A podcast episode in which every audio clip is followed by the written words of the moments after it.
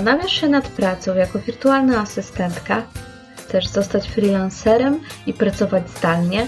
A może już jesteś VA, ale chcesz usprawnić swój biznes i zadbać o jego skalowalność?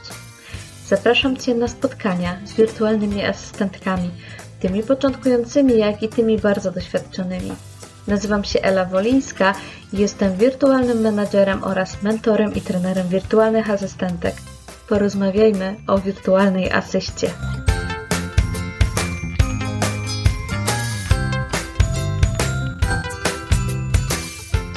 Cześć!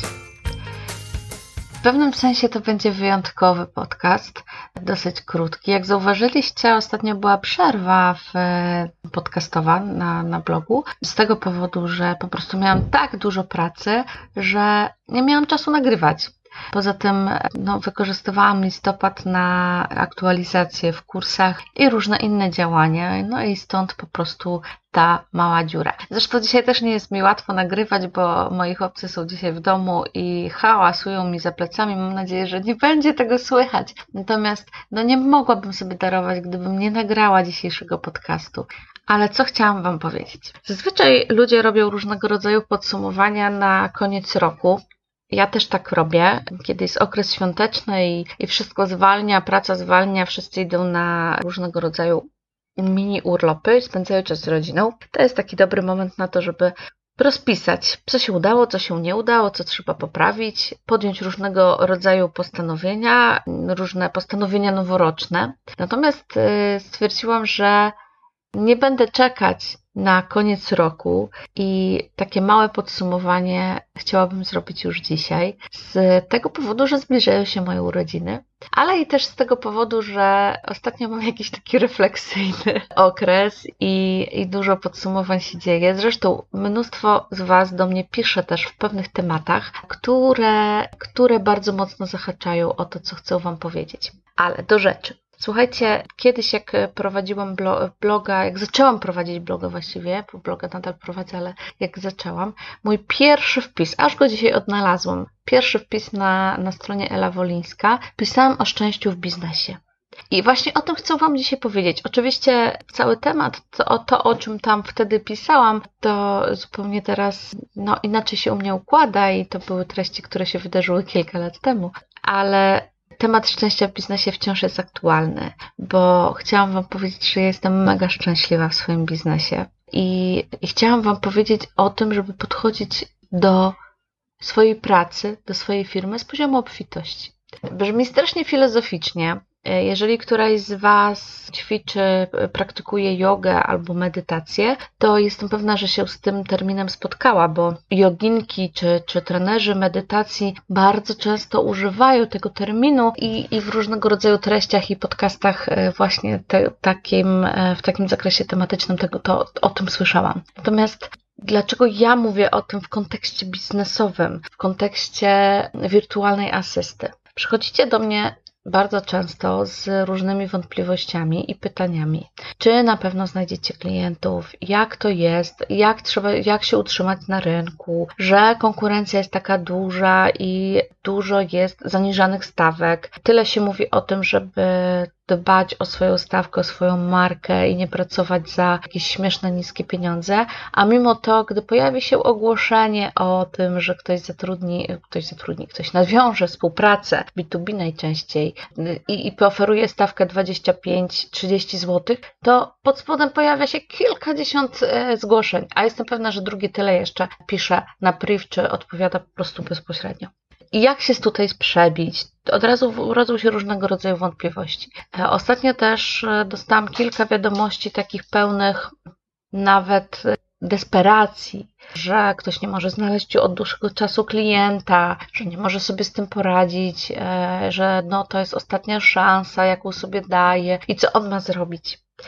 I wiecie co? Chciałam Wam powiedzieć, że w momencie, kiedy ogarnia Was taki pesymizm, ja wiem, że trzeba być realistą, trzeba patrzeć na niektóre rzeczy mm, tak, tak naprawdę realnie, trzeba, mm, warto przygotować sobie poduszkę finansową, nie rzucać się na główkę. Ja uwielbiam rzucanie się na główkę, ale wiem, że nie u każdego się to sprawdza i nie zawsze jest to dobra metoda. Zmierzam do tego, że bycie realistą nie oznacza dopatrywanie się we wszystkim czarnych scenariuszy. Gdy patrzysz na swoje działania, na, na życie, na podejmowanie decyzji z poziomu obfitości, to naprawdę się wszystko układa.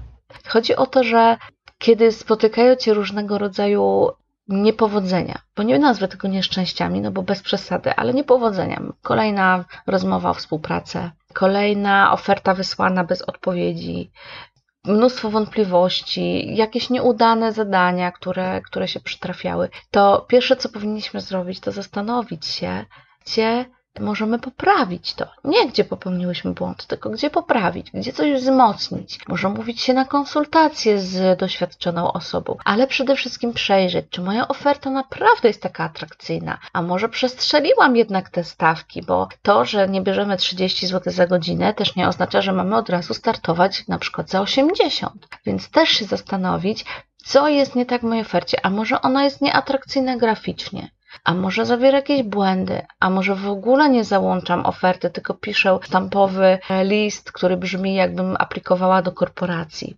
Więc przejrzyjmy, gdzie popełniamy błąd, i co jest nie tak, a potem po prostu, wiecie, wyślijmy dobrą intencję do, do wszechświata, a y, tak naprawdę, no właściwie dosłownie, tak, wyślijmy dobrą intencję do wszechświata, a tak naprawdę chodzi o to, żeby nie patrzeć, że znowu mi się nie uda, oj dobra, no to spróbuję, pewnie, no zobaczymy, trzymam kciuki za siebie. A propos tych kciuków, to wiecie, kiedyś słyszałam, że jeżeli komuś życzymy powodzenia, to nie, nie mówimy, że wierzę w ciebie, dasz radę, tylko mówimy, że na pewno osiągniesz sukces.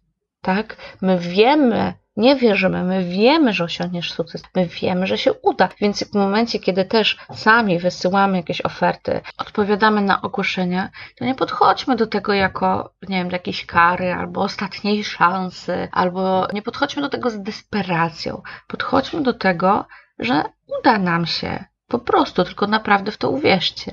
To jest takie, y, ja wiem, że to brzmi strasznie górnolotnie i w ogóle, wiecie, jakaś filozofia i tak dalej, ale to naprawdę działa. Zresztą opowiadałam Wam w ostatnich podcastach o mojej historii i chciałam przywołać jedną myśl, która, która wtedy mi przyświecała, gdy kilka lat temu, około 6 lat temu, no, stanęłam przed takim wyborem, no i co teraz dalej, bo ja miałam, miałam stałego klienta, właściwie wtedy miałam dwóch stałych klientów, a jeden na tak śmieszne pieniądze, że, że w życiu bym się za to nie utrzymała, ale, ale gdy zostawił mnie ten trener biznesu, z którym współpracowałam, to stanęłam przed taką desperacją, szukać pracy na etacie, czy co robić. I ja sobie wtedy postanowiłam, że ja nigdy nie zejdę poniżej pewnej stawki, poniżej pewnego pułapu zarobku miesięcznego. Czasami robimy sobie takie plany, że to ja też do tego zachęcam, że kiedy zaczynamy ustalać swoją stawkę, to żeby sobie rozpisać. Rozpisać, jakie mamy potrzeby, jakie mamy koszty, koszty stałe, zarówno te firmowe, jak i te, które są nam potrzebne do przeżycia. E, no i jeszcze na tak zwane waciki. Oczywiście każdy z nas tą stawkę wyliczy zupełnie inaczej, tą kwotę właściwie, nie stawkę. Dla jednych będzie wystarczające 3000 zł, czy najniższa krajowa nawet i to będzie takie, taka kwota, z której oni będą zadowoleni, a przynajmniej na jakiś czas. A dla innych nawet 10 tysięcy złotych będzie mało, bo mają różnego rodzaju zobowiązania, mają dzieci i muszą myśleć odpowiedzialnie o ich utrzymaniu. Oczywiście ja nie mówię tutaj o jakichś fanaberiach, bo to już jest coś dodatkowego, więc jeżeli chcemy sobie pozwolić na jakieś podróże i tak dalej, no to też bierzemy to pod uwagę wiadomo. No, ale do rzeczy. Ja sobie kilka lat temu właśnie też wyliczyłam pewien pułap, taki minimalny, i postanowiłam, że nigdy nie zejdę poniżej tego pułapu w swoich zarobkach. Słuchajcie, już po miesiącu udało mi się go osiągnąć i rzeczywiście ten pułap tylko rósł. I w tej chwili też mam pewien pułap, poniżej którego nie schodzę. I on to nie jest tak, że ja mam, wiecie, desperacja na koniec miesiąca, o, brakuje mi jeszcze tysiąca złotych do tego, żeby to osiągnąć. Nie, nie, nie, ja nie liczę tak co miesiąc. Po prostu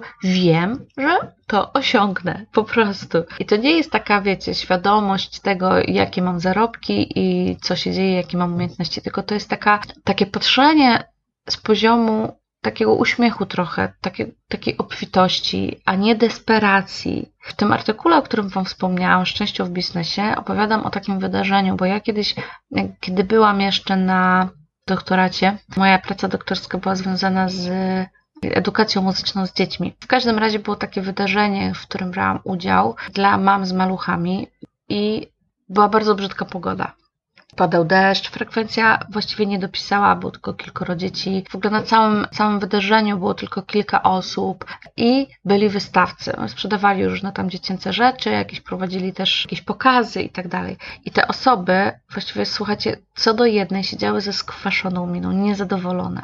Prawdopodobnie nie zarobiły na swoje stoisko i zmierzam do tego, że jeszcze pewnie kilka lat wcześniej też bym patrzyła z taką skwaszoną miną, że ja tu przyszłam, poświęciłam czas, nie wiem, zrobiłam mnóstwo rzeczy albo jakieś zamówienie i mi się to teraz nie opłacało. I tak samo mogłabym patrzeć na, e, nie wiem, na, na wirtualną asystę. Ja tu rzuciłam pracę, zrobiłam kursy, kupiłam aplikacje, sprzęty, a mi się to w ogóle nie opłaca. A mimo to patrzyłam wtedy na tą sytuację na, jako na część wydoświadczenia i ona mnie nie zasmucała. No, wiadomo, fajnie byłoby, wiecie, no, przeprowadzić super zajęcie, mieć mega frekwencję i jeszcze zarobić na tym kupę kasy, ale to nie o to chodziło. Ja w ogóle do tego zupełnie inaczej podeszłam. I dzisiaj też tak podchodzę do swojej pracy, że ja wiem, że się ułoży, Taka trochę alchemia, przyciąganie, wiecie, klientów i, i środków. No dobra, ale się rozwodzę nad tym bardzo mocno, a chciałam e, krótko podsumować. Patrzcie na swoją pracę z poziomu tego, tej obfitości. Nie nie pychy, nie zarozumiałości, że ja wszystko umiem i mi się uda, bo to jest e, postawa roszczeniowa, tylko mam na myśli taką, taki spokój trochę w e, tym biznesie. Rzeczywiście konkurencja rośnie, jest coraz więcej osób na rynku wirtualnej asysty, ale też jest coraz więcej klientów i jest też coraz więcej świadomych klientów, którzy nie będą oferować stawki 20 zł.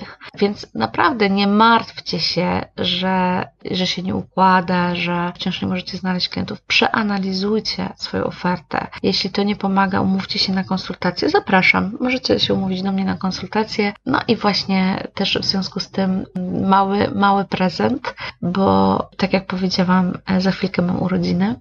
Za dwa dni. I w związku z tym na konsultację i na e-book Jak zostać wirtualną asystentką dla osób początkujących łapcie rabat. 40% na, na spotkanie ze mną. Nie mam jeszcze 40 lat, jakby ktoś szukał, ale niewiele mi brakuje. W każdym razie 40% na hasło urodziny i, i zapraszam do Was do rozmowy, do konsultacji. No a jeśli nie potrzebujecie konsultacji, to po prostu spokój. Tylko spokój może nas uratować. Spokój y, i, i patrzenie z uśmiechem na to, co robimy, na swoje działania, na swoje życie. Naprawdę bez desperacji ja czuję się osobą mega spełnioną i bardzo szczęśliwą i Wam też bardzo mocno tego życzę. Wszystkiego dobrego i pomyślcie o mnie ciepło. Jak to mówią, wypijcie moje zdrowie. Dobrą zieloną herbatą. Do zobaczenia. Cześć.